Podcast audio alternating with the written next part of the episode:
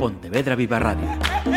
Cara a cara. Damas y caballeros, la Asociación de Directores de Informativos de Radio y Televisión da la bienvenida a Pilar Eire.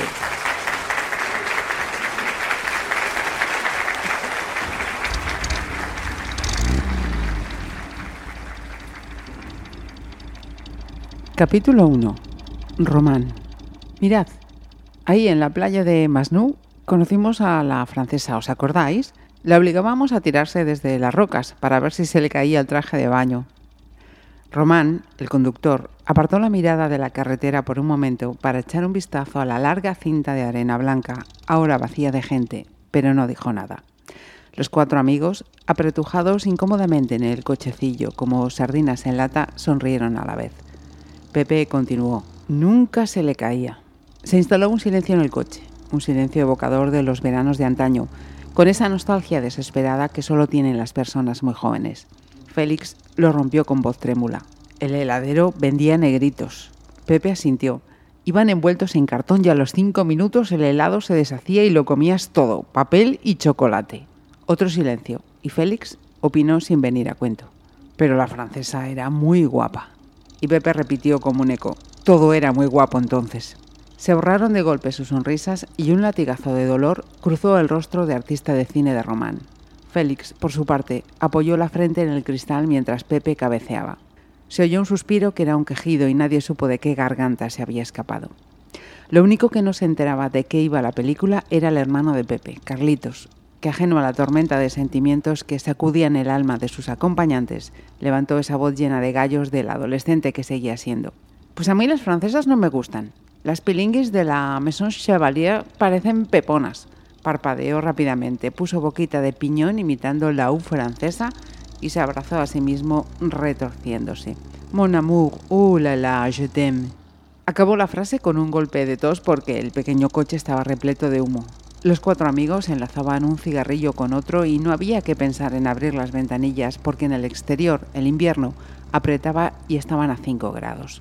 Pero el comentario de Carlitos pareció animar a los chicos. Félix, al que llamaban el gordo porque pesaba más de 100 kilos, el último gordo que quedaba en Barcelona, según Pepe, se giró penosamente para darle un golpe en el brazo desde el asiento de delante y le dijo, en el tono condescendiente con el que se habla a los niños, porque él era un hombre adulto de 22 años y al fin y al cabo Carlitos solo tenía 17. Escuchan mil hombres, el experimentado, qué pilinguis ni qué pilingas. Hizo un gesto despectivo con la mano que todos secundaron porque se habían estrenado en la Maison Chevalier y se veían obligados a defender a las prostitutas francesas por un confuso sentimentalismo. Mira quién habla de peponas, un niño de teta y medio marica. El otro puntualizó envalentonado. De teta sí, pero medio marica no. Marica entero. Carlitos se revolvió rojo de indignación para pegarle un puñetazo a Félix. Tú sí que eres maricona, hijo de puta a la vez. Eso tú y tu madre. Y ahí fue el acabose, porque mentar a las putas era una cosa y a la madre otra, y el gordo se vio obligado a disculparse. Perdón. Y luego se dirigió a los otros. Es que no sé qué coño hacemos con este crío en el coche y en estas circunstancias. Carlitos ya iba a responder cuando lo atajó su hermano. Qué pesados sois. Sí, tú, Carlos, eres el peor. No sé por qué te he traído. No entiendo cómo mamá ha podido convencerme. Con lo que llevamos encima y estáis con estas mierdas. Por estas mierdas hemos perdido la guerra. Porque, a ver, compañeros, los otros prestaron atención porque Pepe era uno de esos chistosos serios con madera de líder y cuando hablaba todo el mundo le hacía caso. ¿Por qué hemos perdido la guerra? Levantó el dedo como si dirigiera una orquesta imaginaria y los cuatro amigos, incluido el que conducía, Román, que desde que había salido de Barcelona no había abierto la boca, gritaron como un solo hombre. Por la desunión de las fuerzas de la República y todos rompieron a reír porque de tan repetida la frase se había convertido en un lema y el lema en una broma que maldita la gracia que tenía si te ponías a pensar en serio. Todavía con una leve sonrisa prendida en los labios, Román protestó mientras encendía un cigarrillo con la colilla del otro en un gesto estudiado, de película, uno de esos que, unido a su atractivo, Moreno, de aterciopelados ojos oscuros con largas pestañas, ademanes elegantes y varoniles y expresión seria y severa, atraía como un imán las miradas femeninas. Y ahora, callad un ratito, joder. Él era el único que estaba casado y eso hacía que los demás lo miraran con respeto. Bueno, por eso y también por la gabardina que llevaba. Y por lo de... Pero no, mejor no mencionar el hecho terrible en su presencia. El cochecillo iba dando saltos como un conejo sobre los baches de la carretera de la Costa Brava. Resultaba un milagro que no se descalabrase porque era un Fiat que tenía más de 10 años. A través de las tablas del suelo se veía el asfalto y las puertas iban cogidas con alambres para que no se abriesen. En las subidas pronunciadas habían tenido que bajar del coche, no ya para aligerar el peso, sino para empujarlo. No eran los únicos que huían. Había bastante tráfico y grupos de personas con aspecto derrotado caminaban por el arcén con la mirada baja.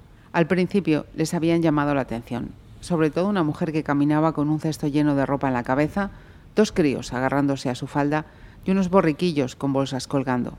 Pero luego habían dejado de mirar porque el ser humano tiene sus recursos para protegerse, si no, la vida sería insoportable.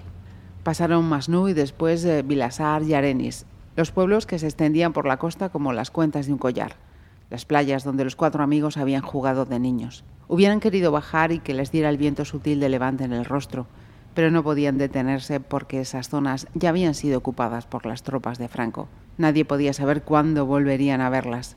Y de pronto las pequeñas discusiones se esfumaron y el dolor y el miedo los juntó como cola de pegar.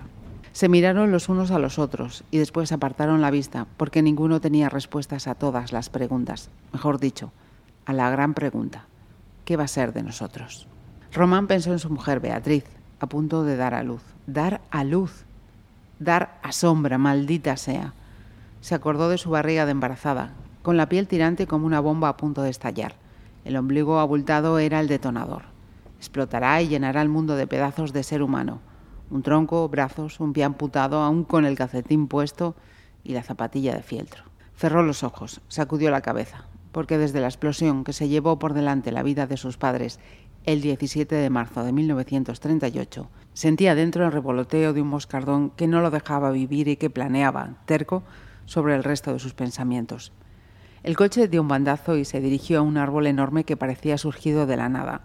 Los cuatro callaron sobrecogidos, inmóviles, con los ojos muy abiertos. No tenían miedo porque se había agotado su capacidad de sentir temor, y el gesto resignado de los que se someten sin más a su destino se congeló sobre sus jóvenes rostros. Era increíble que sus días fueran a acabarse aquí, en un simple accidente automovilístico, después de haberse salvado de tantos peligros. Pero Román en el último instante reaccionó, dio un volantazo y consiguió enderezar el coche. A sus tres amigos se le escapó un suspiro de alivio. Con un guiño, Félix le contó a Carlitos. Aquí donde lo ves, el Clark Gable este es un quinta columnista de cojones que nos quiere dar matarile. Tiene cara de fascista, el cabrón. Su suegro esconde. Esconde lo que puede. En ese momento sintieron el ruido de un motor de avión. Félix dijo, es un mosca. No, es un saboya. Y Pepe, el mayor de todos ellos, no pudo dejar de exclamar con amargura. Podrían ahorrarse el combustible. Ya no hace falta. Los cuatro habían salido de Barcelona en la madrugada de ese mismo día, el 9 de febrero de 1939. Llevaban escondidos desde que las tropas de Franco entraron en su ciudad dos semanas antes. Los amigos, con familiares, Román en casa de una antigua vecina. Aunque se contaba que Franco era implacable con el enemigo, tanto que incluso había hecho fusilar a su propio primo. Creían que ellos eran personajes secundarios e insignificantes de la gran tragedia nacional, que no corrían peligro, y confiaban en que pronto podrían regresar a sus hogares y continuar con sus vidas. ¿Continuar? No, eso no. No se engañaban. El tajo certero de la guerra los había marcado con un antes y un después. Les había amputado su juventud y siempre llevarían ese colgajo a cuestas. La última vez que Román se movió libremente por Barcelona fue cuando se dirigía al refugio que le había ofrecido la vecina, un sótano en Sarriá que había sido establo de vacas. Ese día se había encontrado un grupito de requetes, los voluntarios carlistas y católicos que se habían apuntado al ejército de Franco para luchar contra el marxismo, caminando despistados por el paseo Bonanova mientras el general Yagüe entraba a lo grande en la ciudad por la diagonal, con gran fanfarria de tropas en perfecta formación. Los chicos navarros de la boina roja no despertaban entusiasmo, pero tampoco aversión. Los ciudadanos, fatigados después de tanta guerra, los miraban con recelo desde las ventanas, apartando apenas los visillos y, en una estampa asombrosa, los empleados de la limpieza barrían las calles, indiferentes al cambio de régimen que se cernía sobre la ciudad. Por la mañana dependían de la Generalitat. ¿Cómo se llamaría el gobierno al cual entregarían sus útiles de trabajo por la noche? La única patria de Román ahora era este cochecillo inestable, que su padre había comprado de quinta mano para su hijo al cumplir los 18 años, recién completado el bachillerato. Su único oasis eran los recuerdos compartidos desde la infancia. Román, Pepe y Félix eran amigos desde pequeños, porque los padres de los tres eran empleados de la banca Arnús y habían participado en las actividades que la empresa organizaba para los hijos de los trabajadores, como las colonias de verano en la Costa Brava. Se habían matriculado juntos en ingeniería, en la Escuela Industrial de la calle Urgel. Iban a ser los primeros universitarios de sus familias, pero los tres habían abandonado los estudios al comenzar la guerra. Félix y Pepe habían estado en el frente, primero en Aragón, luego en la defensa de Madrid, al final en el Monsec. No tenían ideas políticas, pero les había tocado defender el bando republicano simplemente por su situación geográfica. Se decía que el 90% de los combatientes de uno y otro lado luchaban por obligación y solo el 10% por convicción. Román había permanecido en Barcelona porque trabajaba en el servicio de propaganda de la Generalitat y se había afiliado a Acció Catalana una semana después de morir sus padres, el mismo día en que se casó con Beatriz. Le pareció que de esa manera le daba sentido a su vida. La había conocido en el Club Pompeya. Fue Bea la que decidió declararse con voz temblorosa una tarde de enero. Ni un año hacía de eso. Todas esas que te van detrás eran muy guapas y yo soy mayor que tú, pero mira, ninguna de ellas te va a querer como yo. A él le gustó su franqueza porque adivinó el esfuerzo que le había costado y le enternecieron sus palabras. En un gesto instintivo, la cogió de la mano y se sintió a gusto. Se miraron y rieron. Ella le tocó los labios con los dedos y él se los besó.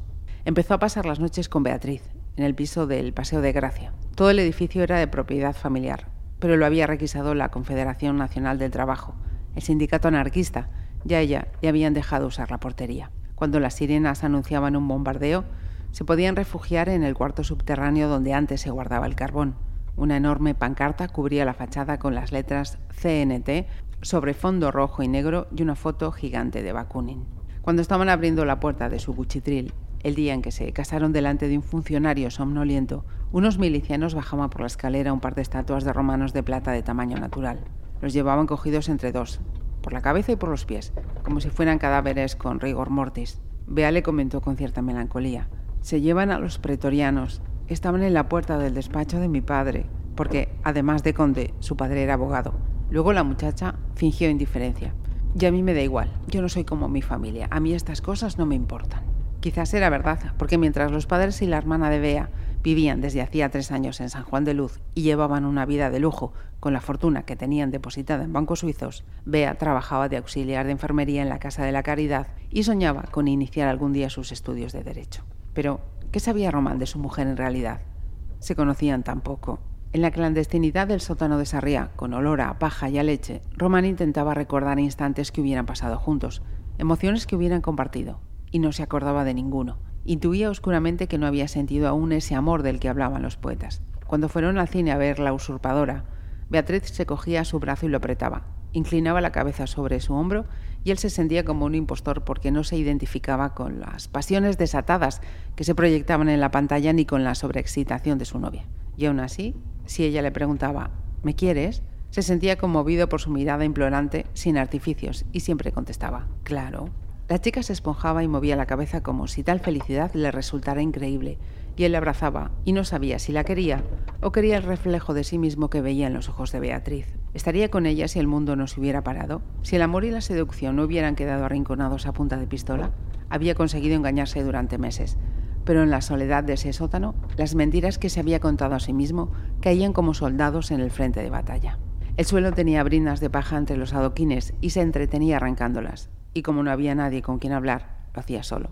Si al final seré un hijo de puta. En esas largas jornadas en las que todo sabía víspera, no se atrevía a realizar un balance de pasado, ni planes de futuro. Vivía suspendido en el tiempo. Por un pentanuco a ras del suelo le pasaban alimentos y tabaco de parte de su mujer. Hasta que la vecina llegó una tarde y por su expresión supo que esa corta tregua se había acabado. Y no le importó, porque la tortura más refinada es la de la incertidumbre. Están deteniendo a mucha gente. Los furgones van a las casas por las noches. Dicen que están fusilando sin juicio todos los días en el campo de la bota y que solo se puede salvar la vida si denuncias a un rojo. Han puesto bandos en las calles y tú mejorando lo presente y perdóname, eres rojo. Román hubiera querido explicarle que él no era rojo, que odiaba tanto a los fascistas como a los comunistas o a los anarquistas, que le asqueaban las sacas, los paseos y los tiros en la nuca. Mire usted, yo... empezó. Estuvo a punto de repetir una frase de Lamartine que su padre tenía en un cuadrito de su despacho.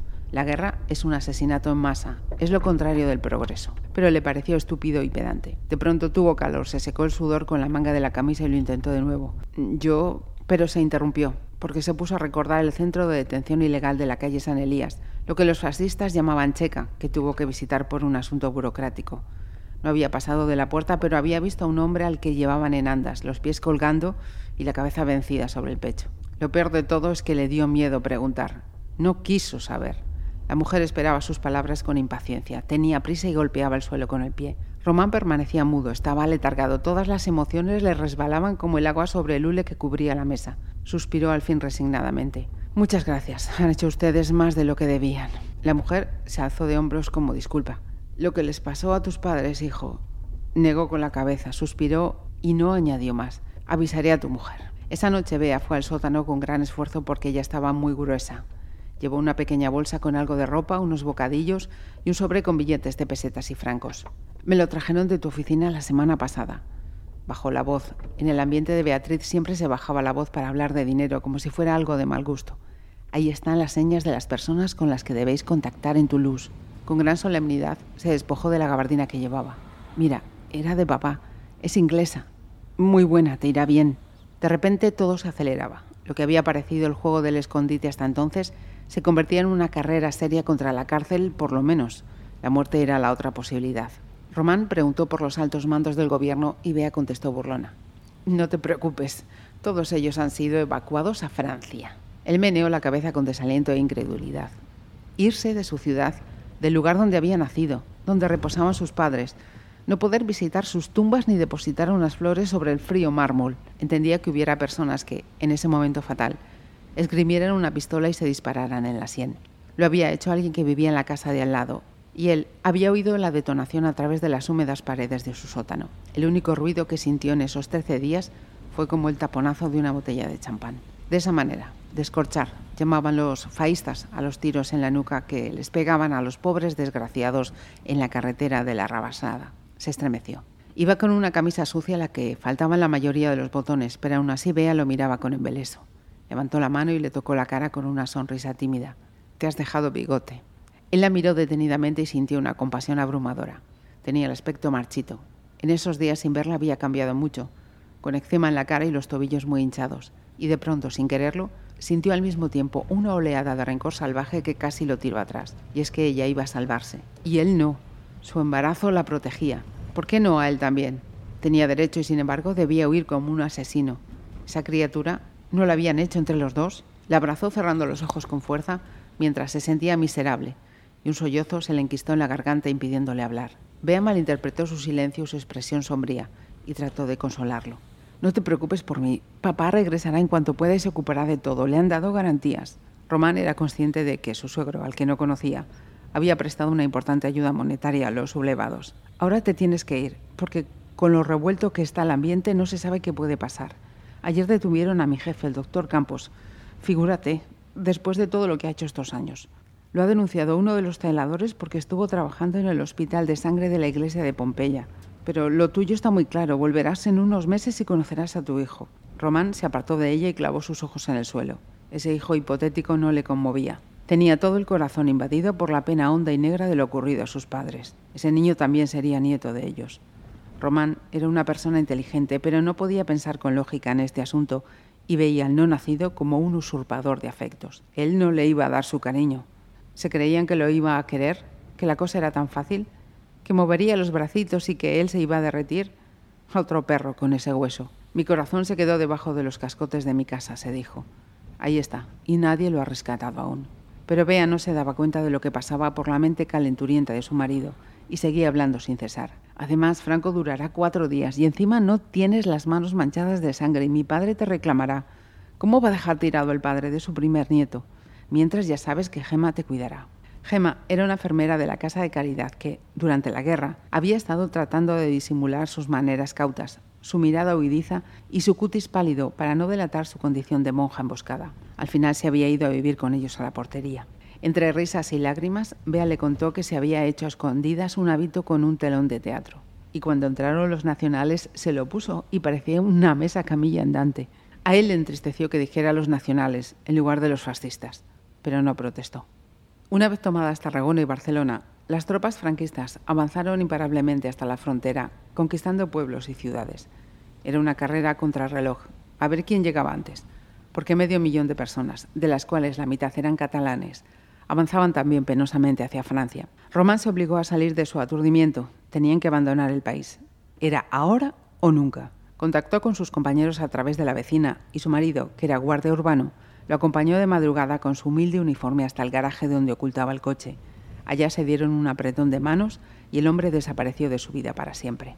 Sus amigos ya lo estaban esperando tiritando de nervios. Habían llevado un bidón de gasolina para repostar por el camino, porque su objetivo era cruzar la frontera por Port Después de un abrazo rápido, Félix se demoró tocando la gabardina. Chico, cosa fina. Frotaba la tela entre dos dedos.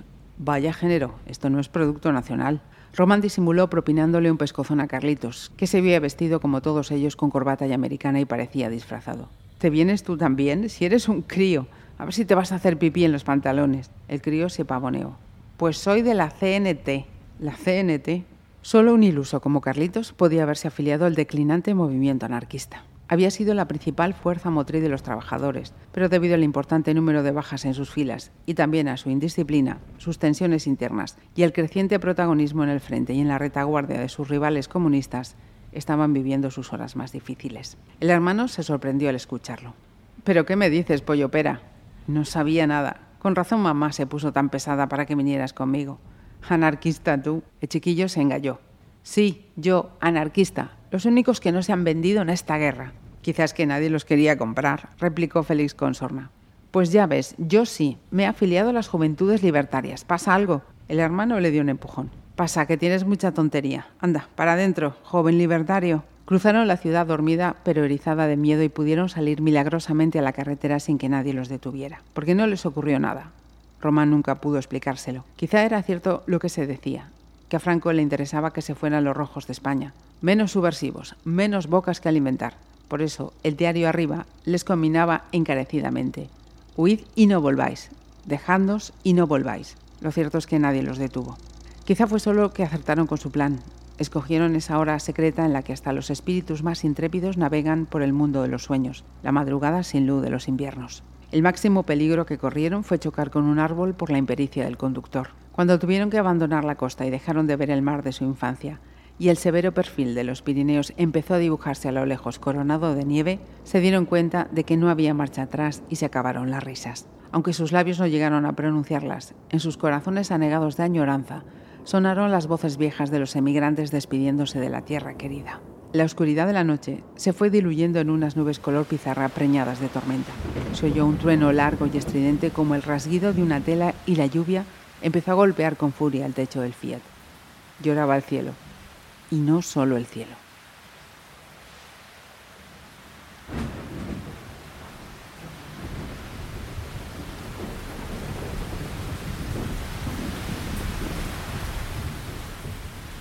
No voy a comenzar este cara a cara desglosando la trayectoria de la persona que nos acompaña, porque como periodista y como escritora ya sabéis sobradamente quién es Pilar Eire. Así que lo primero, gracias a Pilar por dedicarnos estos minutos. Muchas gracias a vosotros. ¿no? Al contrario, estoy emocionada de poder hablar eh, contigo, de verdad. Mira, em, estás promocionando de Amor y de Guerra, una novela que nos lleva al periodo de la Guerra Civil Española, la Segunda Guerra Mundial, y este contexto histórico y las vidas de dos jóvenes eh, catalanes, Beatriz y Román. Mm. Él opta por el exilio y ella, embarazada de un rojo y de familia acomodada, se queda en Barcelona una brevísima y escuetísima eh, sinopsis. Pilar, has contado que esta novela surgió de una historia que, mm, había contado un amigo y que para darle forma además eh, a los personajes has usado a, personas próximas a ti, a familiares tuyos, y que también hay un trabajo de documentación y de investigación. Te pregunto entonces, ¿qué sería más acertado? ¿Decir que es una ficción muy real o una realidad con dosis de ficción?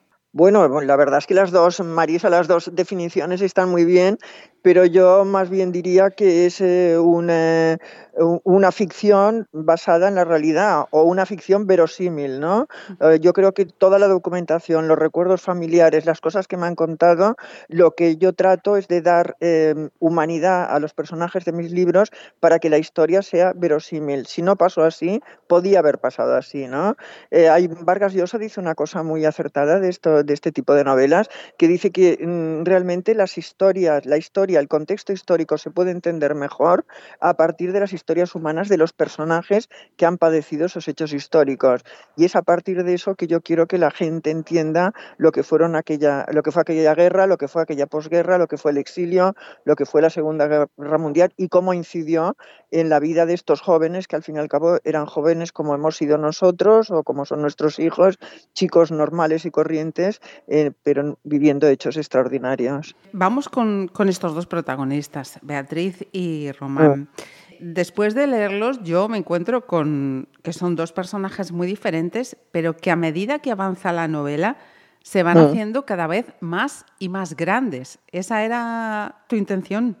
Bueno, la verdad es que a mí me gusta que los, te lo agradezco mucho la, la, percepción, pero mi intención siempre es que los personajes evolucionen, porque realmente, eh, eh, como evolucionamos todos, ¿no? El personaje que es de una manera en la página número uno no puede ser igual en la página número 500. Ellos van teniendo una evolución que además, si el personaje está bien construido, aquí ya habla la escritora, ¿eh? si el personaje está bien construido, con, em, tiene un perfil psicológico verosímil, ya luego es es él el que te va pidiendo un poco, él, es él el que va abriéndose paso solo. Eh, bueno, por ejemplo, concretamente uno de los personajes de, mi libro, de Amor y de Guerra, eh, tenía que ser primero malo y luego tenía que suicidarse en mitad del libro. Y la verdad es que cuando yo llegué a mitad del libro, digo, ¿cómo voy a hacer que se suicide este tío que está teniendo, está haciendo estos esfuerzos para sobrevivir, está teniendo esta actuación tan modélica y le he dado el final más luminoso de todo el libro, porque es que realmente lo merecía. Si están bien construidos los personajes, son ellos los que te llevan de la mano ¿eh? y son ellos los que van abriendo un poco el camino. Y cuando llegas a los últimos capítulos, son ellos los que te llevan y te están diciendo y te arrastran y te dicen, venga, vamos, que estamos llegando al final. Y los mm. últimos capítulos son como una especie de locura, ¿no? En la que tú te ves eh, arrastrado por estos personajes que han formado parte de tu vida a lo mejor durante dos años.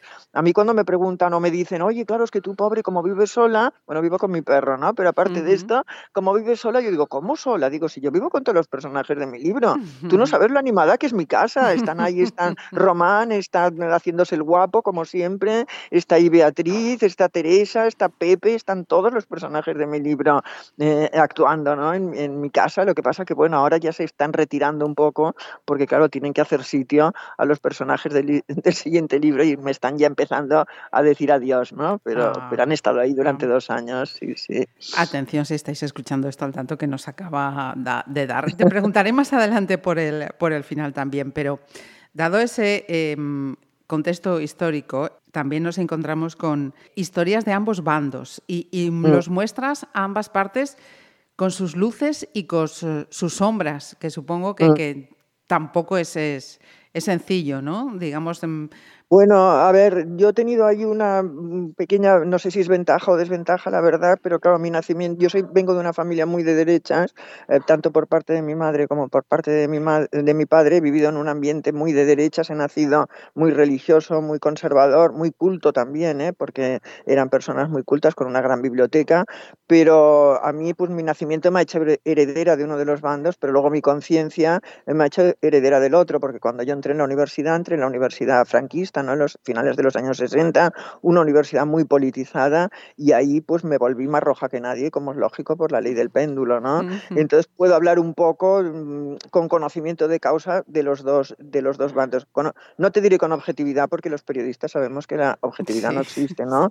Pero sí con bastante respeto eh, por, los dos por los dos bandos. Y creo que ese puede ser uno de los atractivos también de, eh, de la historia que cuento, ¿no? Que no, no, no hay buenos y malos, sino eh, yo pienso que los malos son los que están arriba, los que ordenan estas carnicerías eh, atroces, ¿no? Donde murieron entre la guerra civil y la Segunda Guerra Mundial, murieron 8, millones de jóvenes, ¿no? Y sin embargo, a lo mejor los que organizaron estas carnicerías, pues murieron de viejos tranquilamente en sus despachos para mí todos los que murieron son, son víctimas y son por tanto luz, ¿no? Eh, y esto ocurrió en la, nuestra guerra, ocurrió en la guerra civil, eh, ocurrió en la Segunda Guerra Mundial y está ocurriendo ahora en todas las guerras que, que por desgracia siguen existiendo. Precisamente, hilando con eso, una cuestión que es tan válida para entonces como ahora, el desarraigo, que también queda reflejado en de amor y, de guerra. Y no recuerdo si, si esto lo había notado textualmente. ¿Esta enfermedad cómo se cura, Pilar? No se cura, no se cura. Tú piensas que yo he entrevistado a muchos refugiados españoles en Francia, no para este libro, porque todos ellos están muertos ya, pero sí para otros libros y para otros reportajes. He entrevistado a muchísimos que están, que vivieron, que se fueron en el 39 y no han regresado, y están ellos me decían, nosotros estamos enfermos del desarraigo, no poder, ¿sabes lo que es eso de irte de España como si solo ellos fueran españoles, no? Nosotros también lo somos, y no poder eh, cerrar los ojos de nuestros padres cuando murieron no poner, depositar unas flores en su tumba. Nuestros hijos se cansan de oírnos hablar de España. Nuestros hijos, que se llaman Martínez y García, no quieren ser españoles, se sienten franceses y están hartos de oírnos de hablar de España. Dice, nosotros nos íbamos a las plazas, a las calles donde había españoles para oír el sonido del idioma, para oír la lengua. No sabíamos, eh, queríamos únicamente hablar en español. Y eso me lo contaba esta mujer que llevaba, pues fíjate, 58 años en el exilio. Murió muy poco después de que me lo contara, pero no estaban nunca se quitan. Y yo ahora veo todos estos que se tienen que ir de sus países, todas estas personas que tienen que huir, eh, y, no sé, los comparo con aquellos y digo, qué poco, eh, qué poco hemos evolucionado, ¿no? Que, que repitamos los mismos errores, los mismos, se repiten los mismos dolores. Es que parece mentira como, como no se cierran las heridas, ¿no? Quedan abiertas y otra vez vuelven a, a, a supurar, ¿no? Y esto eh, es una desesperanza horrible esta hora tan oscura que estamos pasando, ¿no? Que te da hasta miedo abrir los periódicos por las mañanas, ¿no? Es, horrible, de verdad. Mm. Una explicación que entiendo eh, será mm, también aplicable a, aplicable a, otra de las frases que he anotado de esta novela. Si los hombres no importan, entonces que no me vengan con paparachos de ideologías para salvar la humanidad. Me parece exacto. Sí, sí, sí, sí, ¿eh? exacto. Si, no, si hay que, conseguir que se mueran eh, 8 millones de personas por tu ideología, ¿no? como ha pasado en la Rusia de Stalin, en la Alemania de Hitler o en la Guerra Civil Española, que a mí qué más me da ¿no? esta ideología, la verdad es que, es que, bueno, no sé, te agradezco mucho que hayas rescatado esta frase porque realmente es lo que yo pienso ¿no? y es lo que he puesto en las bocas de mis personajes, como, como esa otra frase que también dice otro personaje que dice, fíjate los españoles, lo bien que sabemos matar y morir y mm. lo poco que sabemos convivir entre nosotros, ¿no? que también es algo que, que, también siempre me pregunto ¿no? y me digo, ya no es los españoles, son los seres humanos lo mal que sabemos convivir entre nosotros, a la vista está ¿no? de los últimos acontecimientos, la verdad. Pasando a otros eh, sentimientos de esta novela, ya en el título nos hablas de, de amor, pero eh, la amistad es tan importante en este, este libro. Como, como el anterior, ¿no? Pese a bandos, a, heridas del alma, que también el alma tiene un par de frases muy, muy buenas en este mm. libro. También es una exaltación de amistad esta, esta novela, Pilar. Sí, sí, sí, no, no, totalmente, porque el libro empieza con los cuatro amigos eh, yendo en el coche, ¿no? En un cochecillo destartalado, además tú los oyes hablar y no sabes muy bien, bueno, son, hablan como hablan los chicos jóvenes, ¿no? Como hablábamos nosotros o como, hablan nuestros hijos, ¿no? Hablan de las chicas y de los veranos de la infancia y lo que se divertían, se pegan puñetazos, ¿no? Boxean un poquito entre ellos y no te vas dando cuenta hasta el cabo de unas páginas, ¿no? Que lo que están haciendo es yéndose de, de, de su patria, ¿no? Para siempre quizá, ¿no? Están yendo a la frontera, están yendo al exilio. Muchos de ellos ni siquiera tienen ideas políticas, porque tú piensas que en la guerra civil el 90% eh, luchaban simplemente por su situación geográfica, tan solo el 10% luchaban por ideología, pero es igual, se tenían que se fueron medio millón de españoles.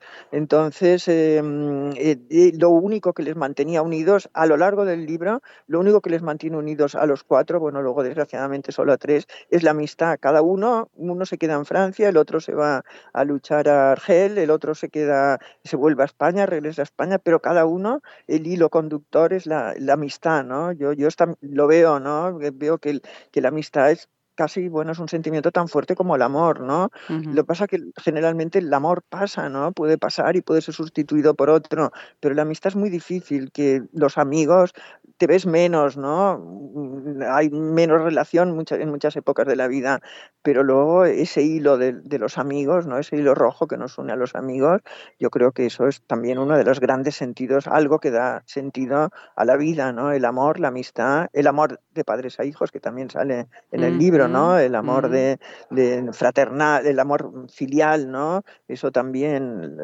eh, eso, eso, el amor es poderoso, es lo único, lo único que se puede luchar con la guerra, con el dolor de la guerra, es el dolor, yo, el amor, perdona, y yo creo que el libro no es un libro trágico, creo que es un libro que es luminoso, ¿no? Porque al final lo que cuenta, ¿no? Se, te das cuenta que lo que cuenta es eso, los sentimientos, la fraternidad, el amor, ¿no? Lo que nos salva y al final son tan jóvenes, ¿no? Que, tienen toda una vida por delante para, para reparar heridas, ¿no? Y restañar heridas. Aunque es cierto que han pasado muchas generaciones y seguimos siendo herederos de aquello, ¿no? Esto también es cierto.